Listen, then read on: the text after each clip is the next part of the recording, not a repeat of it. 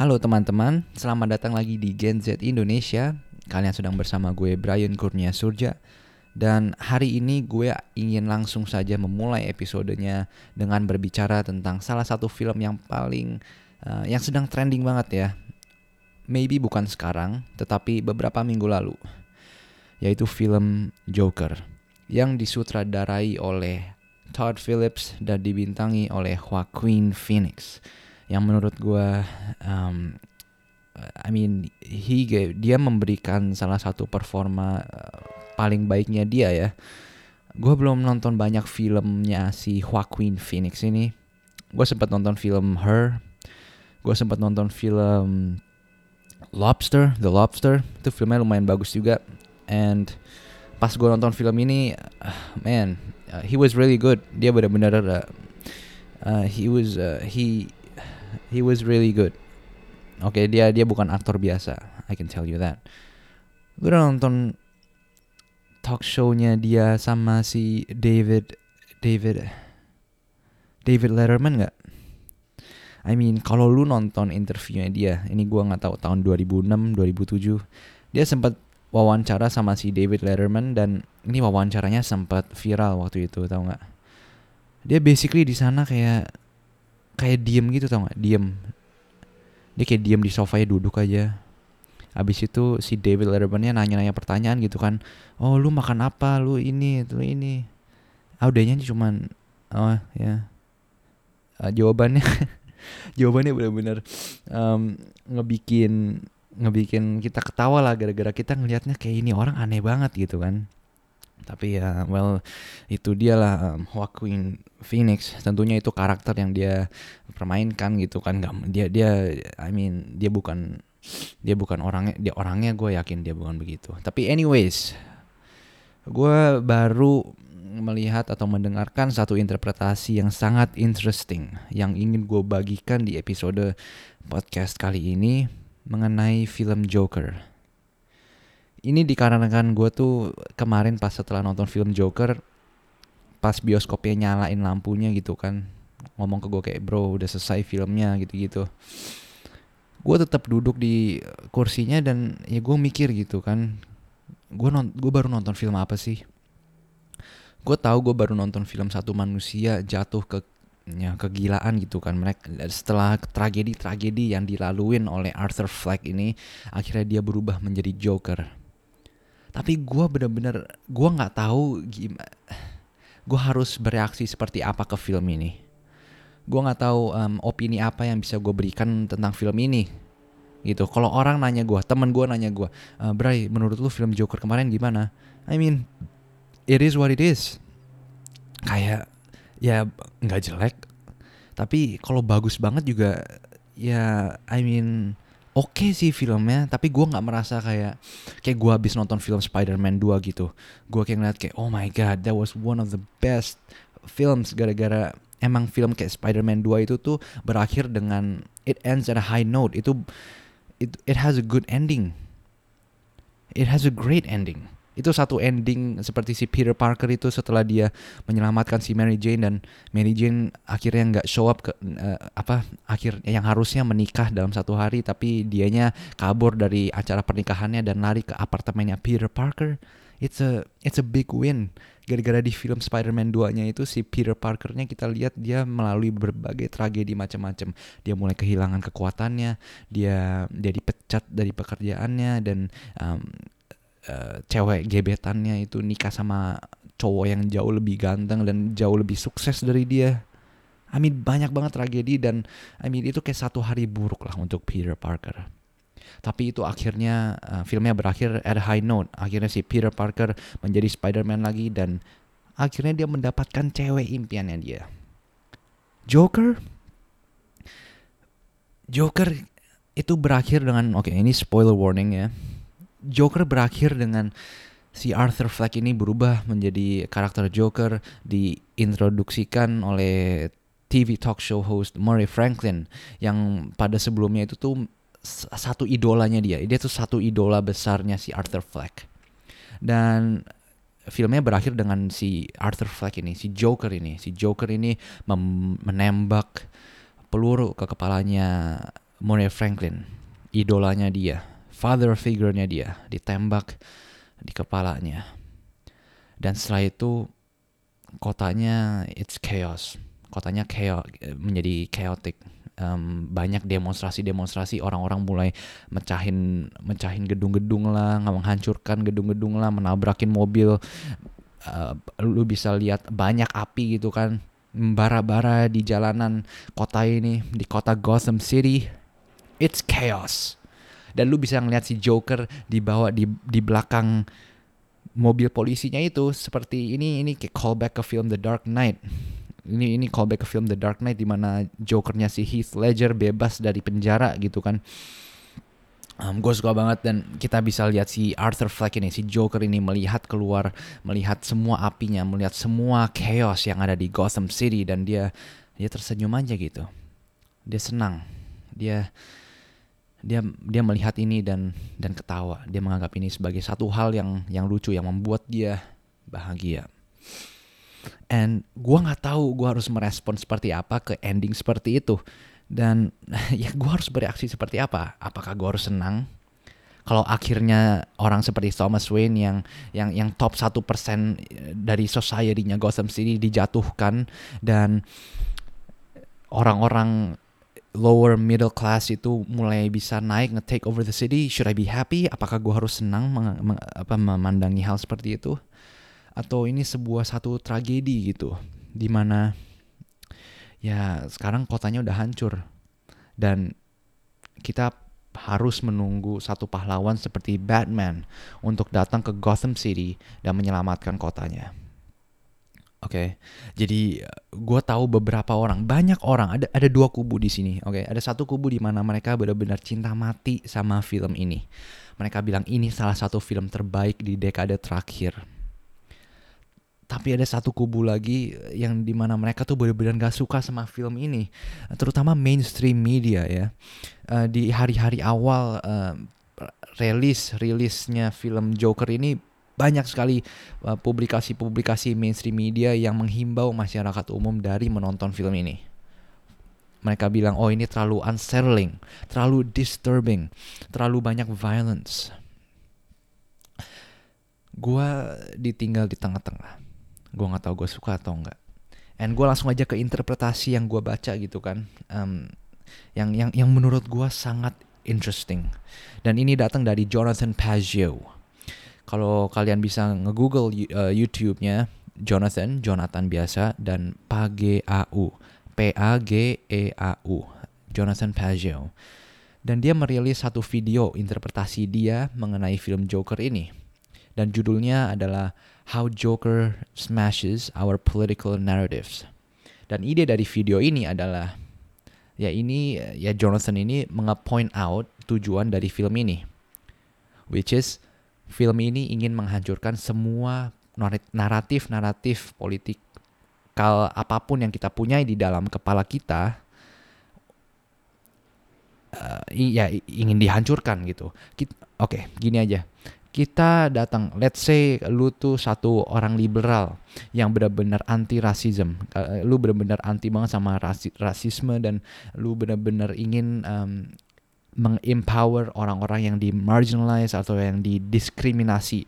Lu benar-benar anti dengan senjata api gitu kan. Dan kalau lu nonton film ini ada alasan-alasan kenapa lu bisa bingung, lu perplexed, lu bingung gimana cara lu bisa lu harus respon gimana ke ke film ini atau ke adegan adegan tertentu di film ini gitu kan dan film ini melakukan hal ini ber, beberapa kali berbagai berbagai kali di berbagai adegan um, yang macam-macam ya oke okay?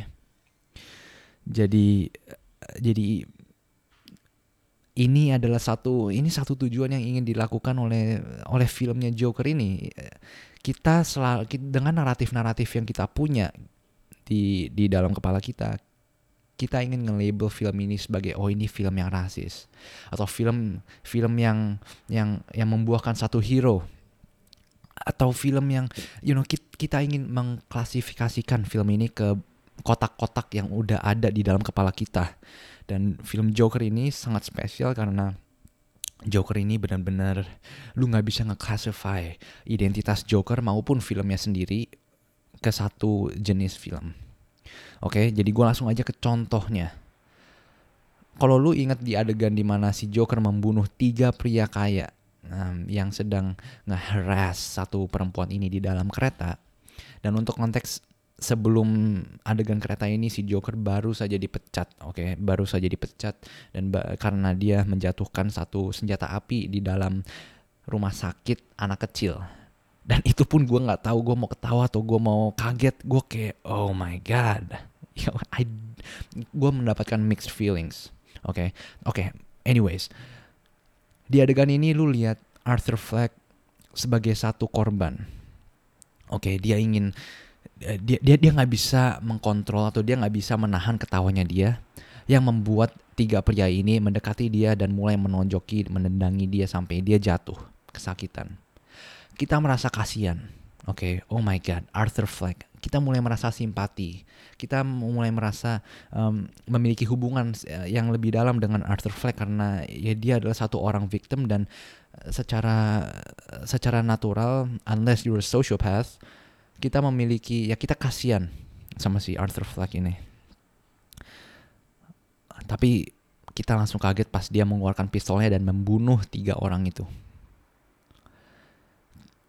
Gua jujur aja langsung bingung gimana caranya ya gua harus bereaksi seperti apa terhadap perilaku Arthur Fleck ini. Yang membuat gue bingung adalah si Arthur Fleck ini gue kesian tapi pas dia membunuh orang-orang ini, dia enjoy. Dia malah mengejar musuh ketiganya. Oke, okay, sorry musuh. Dia mengejar orang ketiganya. Orang ketiganya kita lihat dia lagi mau naik-naik tangga. Si Arthur Flecknya jalan jalan mendekati orang ketiga tersebut dan langsung ditembak berkali-kali. Dan gue oh wow gue gue nggak tahu gimana caranya gue bereaksi ke adegan seperti itu dan perilaku seperti itu. Oke okay? dan kenapa gue bilang ini bisa membuat orang-orang liberal bingung? Karena seperti yang gue udah bilang tadi orang-orang liberal ini sangat anti gun law Oke, okay? mereka mereka menjadi spokesperson kalau ada mass shooting atau school shootings. Mereka benar-benar bersuara kayak, um, oke, okay, government harus nge-restrict gun laws, harus membuat gun laws untuk um, merestriksikan um, penggunaan senjata api atau atau um, possession of guns. Oke, okay? dan di sini kita bisa lihat si Arthur Fleck membawa pistol. Oke, okay? dia membawa pistol, mendapatkan pistol dan ya ini bukan hal yang bagus gitu kan. Tapi dia juga merupakan satu karakter yang hidup di lower middle classnya society, which is satu grup yang disupport sama para orang sama orang-orang liberal ini, oke? Okay? Dan poin kedua yang ingin gue raise adalah tiga orang yang di yang ngeheres Arthur Fleck ini adalah tiga orang yang bisa kita bilang mereka mereka mereka bagian dari elitis elitis society. Mereka bagian dari top satu persen dari society. Di mana para liberal benar-benar benci sama top satu persen dari society-nya juga.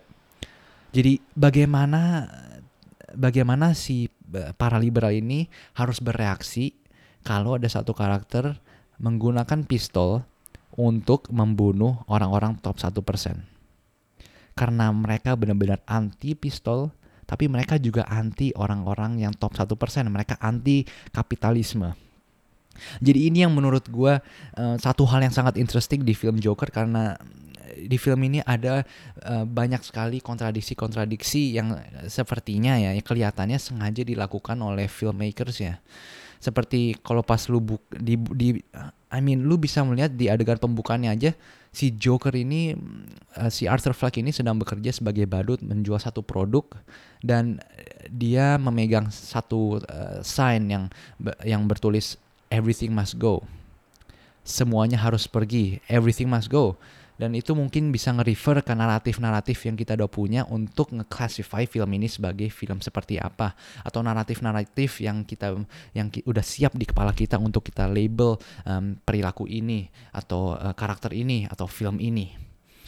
Jadi asal lu bilang um, yang lu bisa bilang kalau film ini lumayan chaotic in its approach. Gara-gara film ini ingin menghancurkan semua uh, pilar-pilar uh, naratif yang kita udah punya di kepala kita dan benar-benar uh, menghancurkannya. Dia dia dengan melakukan uh, kontradiksi-kontradiksi di adegan-adegan seperti ini. Oke? Okay? contoh kedua gue langsung aja ke um, mungkin gue langsung aja ke ke ke endingnya aja gara-gara gue nggak mau ngomong terlalu banyak tentang uh, tentang karakter Joker ini. Karena gue langsung ingin nge-refer ke Jonathan Pageau aja. Jonathan Pageau adalah saat dia dia dia sempat menganalisa film Logan yang menurut gue juga analisanya benar-benar bagus banget. Um, dia ahli simbolisme atau ahli mitologi dan gue benar-benar ingin nge-encourage kalian untuk coba uh, melihat uh, analisanya dia akan ten tentang film ini. Oke. Okay. Dan satu poin yang tadi gue mau akhirin itu um, si Jonathan juga membawa satu contoh lagi which is di endingnya itu ya gue mau langsung ke endingnya seperti gue bilang tadi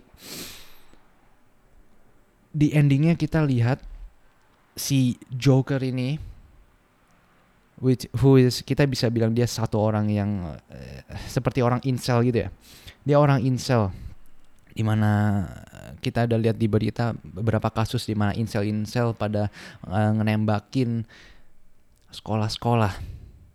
Gitu kan. Seperti satu contohnya Elliot Elliot uh, gua gua harus search dulu. Ada satu insel yang menembakkan menembak uh, sekolah karena dia nggak dapet cewek. Namanya Elliot Rogers. Dan ini benar-benar satu uh, satu tragedi. Um, jadi kita bisa lihat si Arthur Fleck ini menampakkan seperti salah satu karakter seperti itu, karakter incel. Dia menggunakan pistol untuk membunuh orang-orang gitu kan, dia meng, dia dia nge-create chaos, um, dia menembak TV show um, TV show host Murray Franklin yang kalian tahu di luar sana seperti Jimmy Kimmel, Stephen Colbert, mereka tuh seperti gatekeeper atau mereka seperti spokesperson for the political left untuk uh, untuk para liberal itu mereka seperti speakernya lah. Dan akan tetapi si Joker ini menjadi uh, pemimpin dari gerakan di mana gerakan ini menentang Thomas Wayne dan orang-orang yang top 1% di society. Jadi ini satu kontradiksi yang sangat amat besar dan orang-orang justru bingung karena orang-orang nggak tahu gitu kan. Uh, um, Oke, okay, gua gua nggak suka si Arthur Fleck karena dia pakai pistol, karena dia satu orang incel, karena dia um, karena dia menembak um, TV show host yang yang um, yang yang yang di general public itu diportray sebagai satu orang spokespersonnya para liberal seperti ini. Tapi dia memimpin gerakan yang besar yang akhirnya menang, yang akhirnya membunuh Thomas Wayne sendiri, menentang yang top 1% of society. Jadi gue harus berasa seperti apa, gue harus bereaksi seperti apa.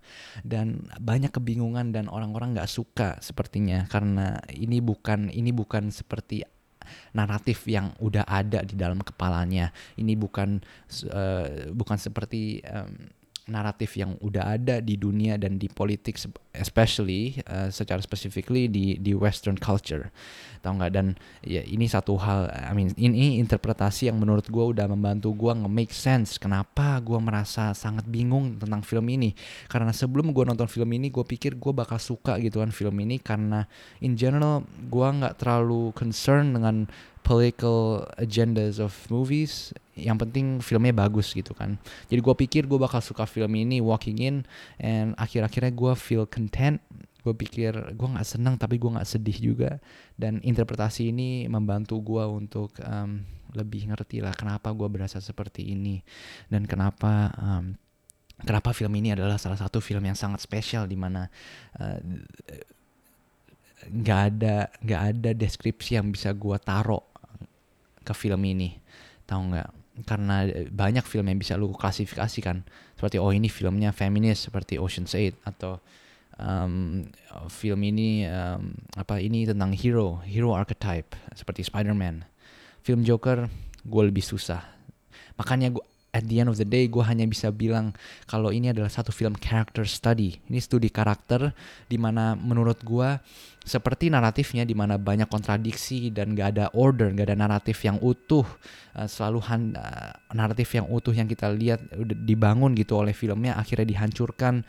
Um, itu tuh juga itu resemble identitas Joker aslinya karena seperti kita lihat di filmnya identitas Joker ini seperti uh, dia dia udah tahu gitu kan oh ternyata Thomas Wayne itu bokap gue akhirnya wah ternyata lu salah gitu. Nyokap lu sakit mental dan lu diadopsi. Identitasnya yang udah udah memiliki pilar yang utuh akhirnya dihancurkan. Ya jadi ini benar-benar film ya. Film dan identitasnya tuh benar-benar satu dan again ini character study yang menurut gue salah satu film yang paling spesial di dekade ini. Dan um, yeah it's just one of those special films I would say. Oke okay, jadi ya itu aja. Man gue udah ngomongin 20 menit atau 18 menit tentang film Joker. I really um, itu walaupun gue feel content after the movie gue mikirin gitu tentang filmnya. Kayak kenapa sih? Pasti harus harus ada analisa yang bisa nge-make sense of this stuff. Kayak uh, make sense of how I feel kira gue gak ngerti kenapa gue berasa seperti ini ke film Joker di mana eh, filmnya benar-benar membagi populasi menjadi dua ekstrim yang berbeda yang suka banget dan yang benci banget oke okay, itu aja dari film Joker tapi gue ingin lanjut lagi sekarang.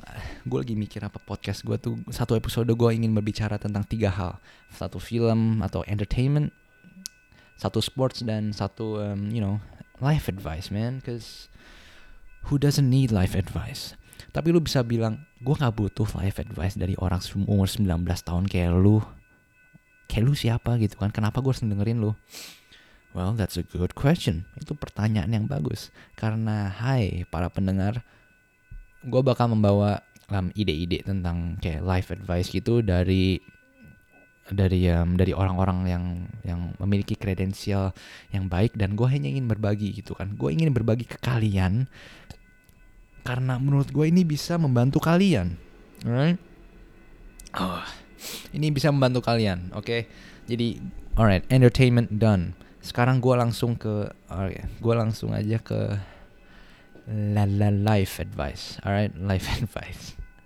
Um, life advice man ini ada satu email newsletter yang gua follow yang gua bener-bener suka banget alright gue pikir salah satu email newsletter yang paling berguna untuk gua in terms of tips and tricks for life for businesses and all that stuff atau wisdom itu punyanya Tim Ferriss um, Friday uh, Friday newsletter Five Minute Fridays I think.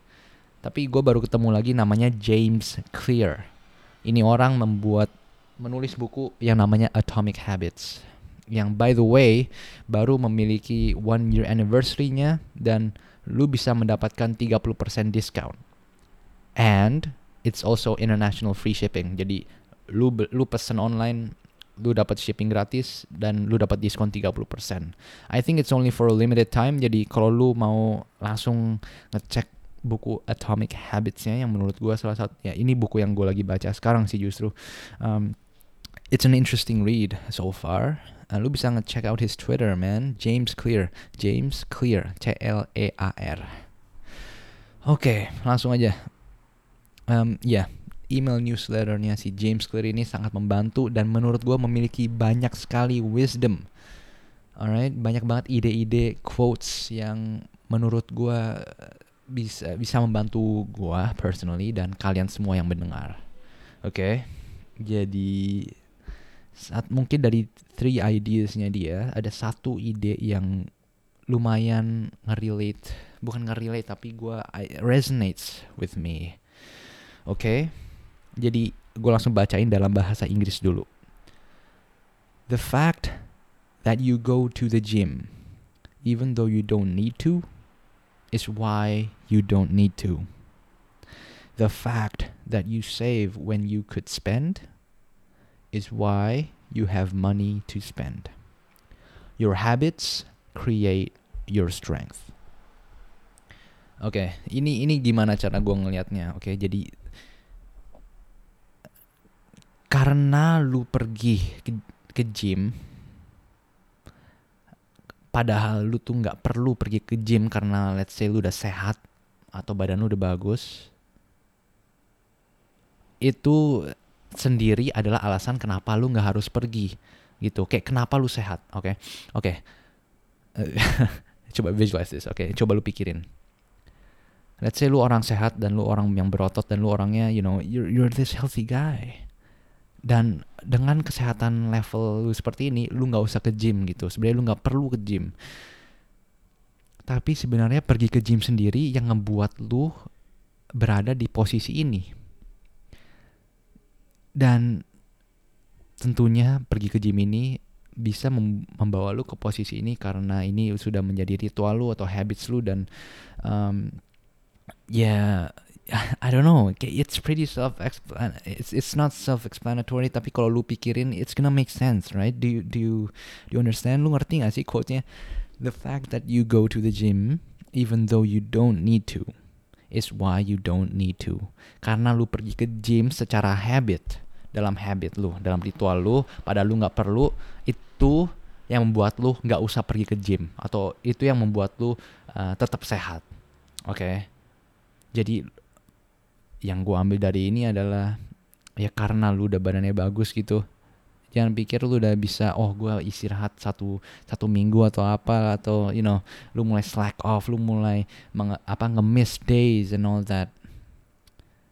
Nah man lu harus uh, you have to keep doing it gara-gara you get here because of what you've been doing. And kayak if you stop uh, lu bakal cepet-cepet um, balik lagi ke lu dulunya Alright, dan ini satu hal yang dibicarakan oleh James Clear di buku Atomic Habits-nya.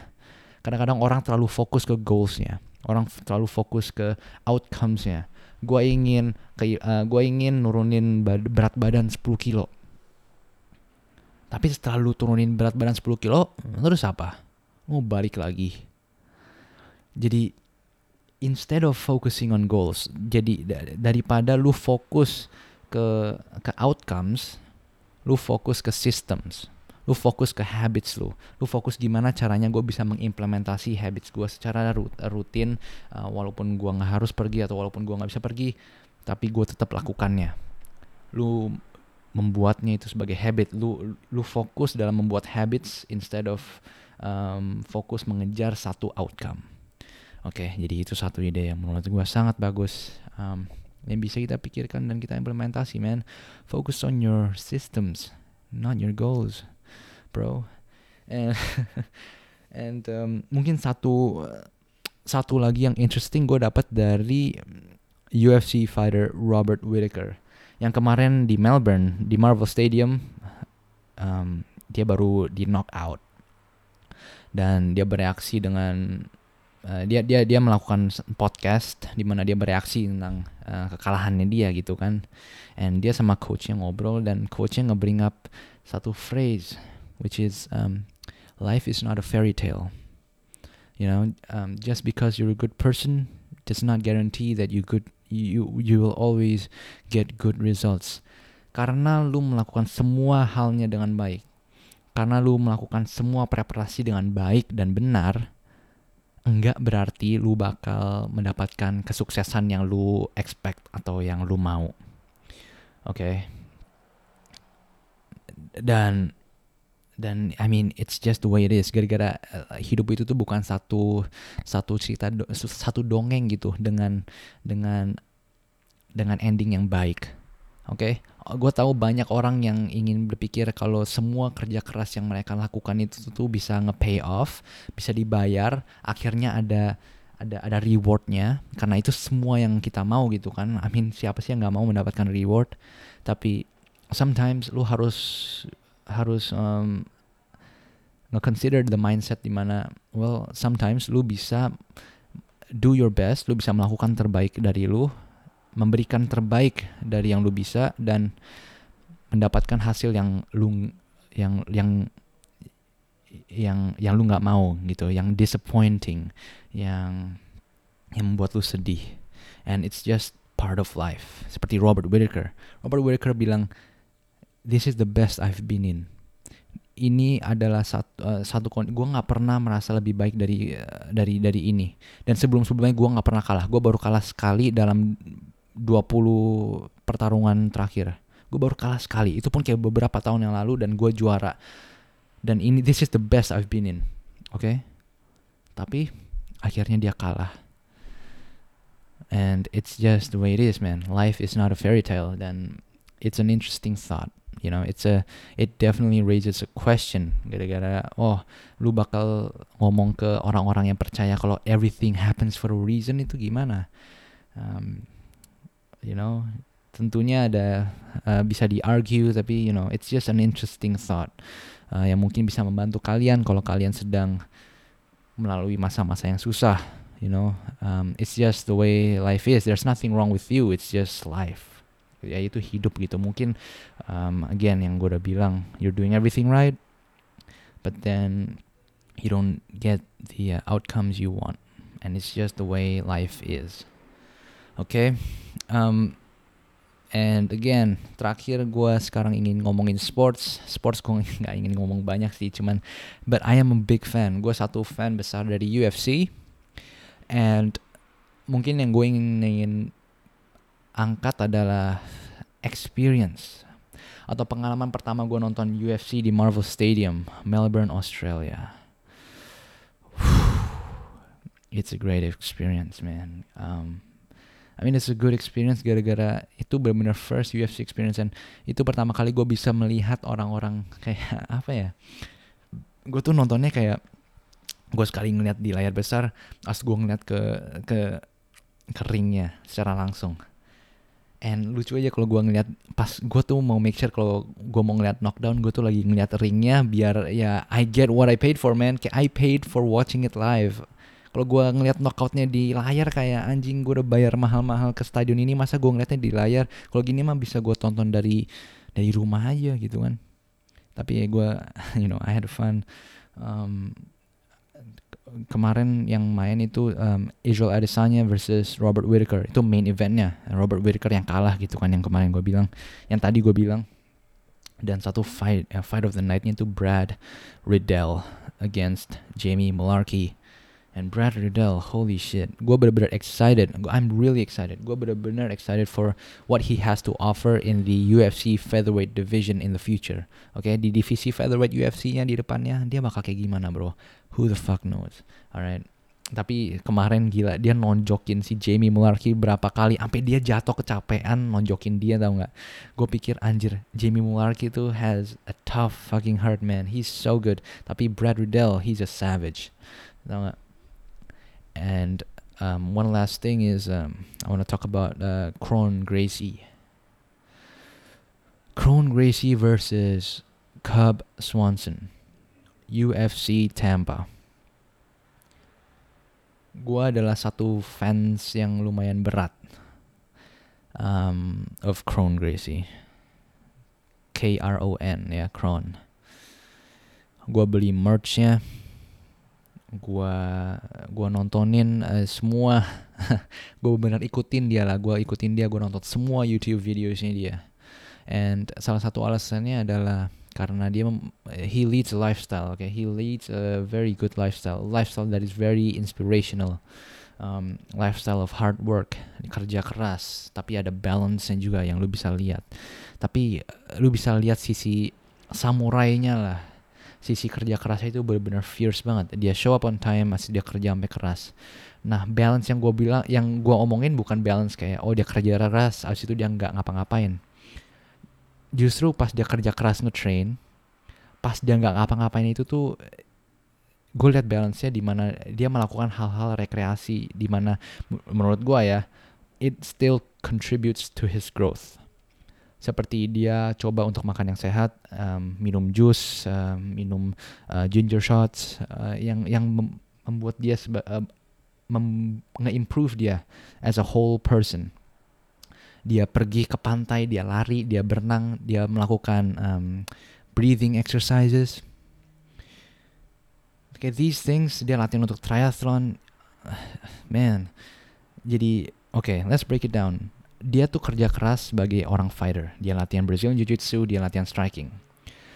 apa itu off time-nya dia waktu di luarnya itu dia nggak fuck around and watch YouTube videos I don't think gara-gara who am I I don't know him tapi setelah gue lihat dokumenter mini dokumenternya dia yang bisa lu nonton di YouTube dari YouTube channel Munchies dia tuh latihan triathlon dia pergi ke pantai dia dia minum jus dia he dia dia melakukan breathing exercises dia pergi travel dia pergi skateboarding and it looks really good. Dia dia go out with friends and stuff. It's very inspiring and uh, I think what's inspiring is gara-gara kebanyakan dari kita itu tuh cuman um, ya kita terima hidup ya apa adanya gitu kan. We don't really try to do much tapi lu lihat orang hidup seperti itu itu nggak-inspirasi kita gitu kan. I mean at least ke gua. Yang untuk oke okay, gue bakal mulai minum jus um, kalau bisa secara hari-hari karena mungkin itu atau kombucha karena banyak probioticsnya bisa membantu gut healthnya kita. Atau oke okay, some cardio in. Nggak bagus kalau kita cuman strength gara-gara si Crohn Gracie ini. I mean look at him. He's he's shredded mungkin gue harus coba cardio lagi I gotta go to the beach sometimes gue sekali-sekali ke beach go outside instead of sitting inside staring at my screen the whole fucking day Tau gak? It's very inspiring. Lu bisa ngelihat hidup seperti uh, atau lifestyle yang di lead sama Crohn Gracie. Tapi unfortunately, um, kemarin si Crown Gracie ini kalah oleh Cap Swanson. But damn man, satu hal yang bisa lu ambil adalah si Crown Gracie ini memiliki he has heart, he has heart and he has a tough chin. I mean ini bisa dibilang sebagai satu cliche tapi I mean he does. Kalau lu nonton fightnya kemarin Cap Swanson versus Crown Gracie, Crown Gracie itu tuh ngemakanin body shots, tendangan ke kaki itu kan ditonjok ber Ah, berbagai-bagai kali dia nggak knockdown sama sekali pun nggak dia tetap maju jalan maju jalan maju. Padahal kalau lu bisa lihat orang fighters yang lain mereka tuh bisa ke knockdown mereka bisa oh shit what the fuck. Tapi Kron Gracie fucking blew it off man. Kayak dia oh pff, apaan? Ini cuma ditonjok doang. Tapi anjir lu bisa denger gemak dari tendangan-tendangannya si Cub Swanson ke perutnya si Kron Gracie. It's fucking crazy man. And gue kayak niatnya aja gue kayak oh fuck man fuck. Gila and for sure um, although dia mendapat uh, it goes to decision. It goes to distance. Akhirnya sampai satu decision dan Cut Swanson menang. Tapi again setelah setelah fightnya banyak orang-orang atau UFC fighters lain yang bereaksi. Dan salah satunya adalah Damien Maya salah satu top contenders of the welterweight division. Dan dia bilang ya you cannot teach heart you either have it or not. And Kron definitely has heart. And gua nggak sabar melihat dia back in the octagon untuk improve his his fighting skills and how he has improved. Gua nggak bisa sabar um, gua nggak bisa sabar untuk uh, comebacknya dia ke octagon. Um, untuk berantem lagi because I really think he he can still improve man. And he's a great jujitsu he's a great I mean he looks like he looks good. Um I mean he doesn't look good. Sih he he can go for takedowns dia nggak bisa nge-wrestle dia nggak bisa ini kelihatannya ya tapi man me being a being a fan of him um I'm really looking forward gue bener-bener I'm really looking forward to his return to the octagon so um yeah So that covers it, man. That covers it. Um, untuk podcast episode kali ini, oke. Okay? Um, gue benar-benar hope kalau kalian semua enjoy episode podcast kali ini. Dan I will see you in future episodes, man. I know gue udah mulai jarang ngepost um, podcast episodesnya, tapi um, itu karena banyak sekali obligasi-obligasi dan assignments. Exam period is coming, man and um, nggak tahu kemarin gue I don't know why tapi I just I just stopped doing it tapi I hope that I'm gonna do it sekarang gue bakal lebih mendedikasikan waktu gue ke ke ke, ke exclusive podcasts gue sebelumnya gue I I do video podcasts. Tapi sekarang kayaknya I I upload videos to my YouTube channel kalau itu lebih spesifik ke satu topik gitu tau nggak? Jadi let's say tadi gue nganalisa Joker mungkin gue bakal ngedit video. Edit video di mana gue bisa menampilkan um, ulasan gue Joker, ulasan Joker dan suara gue sebagai voice over. Oh man, tapi again um, untuk kalian semua yang mendengarkan, dan kemungkinan besar kemungkinan besar kalian semua adalah orang yang gue kenal. Um, I wish the best for all of you in your exams or anything in your life man. I really do. Um, gue harap kalian semua um, ya gue harap kalian semua I hope you guys all do well man. I really do. So uh, yeah okay. I will see you in future episodes bro. See you man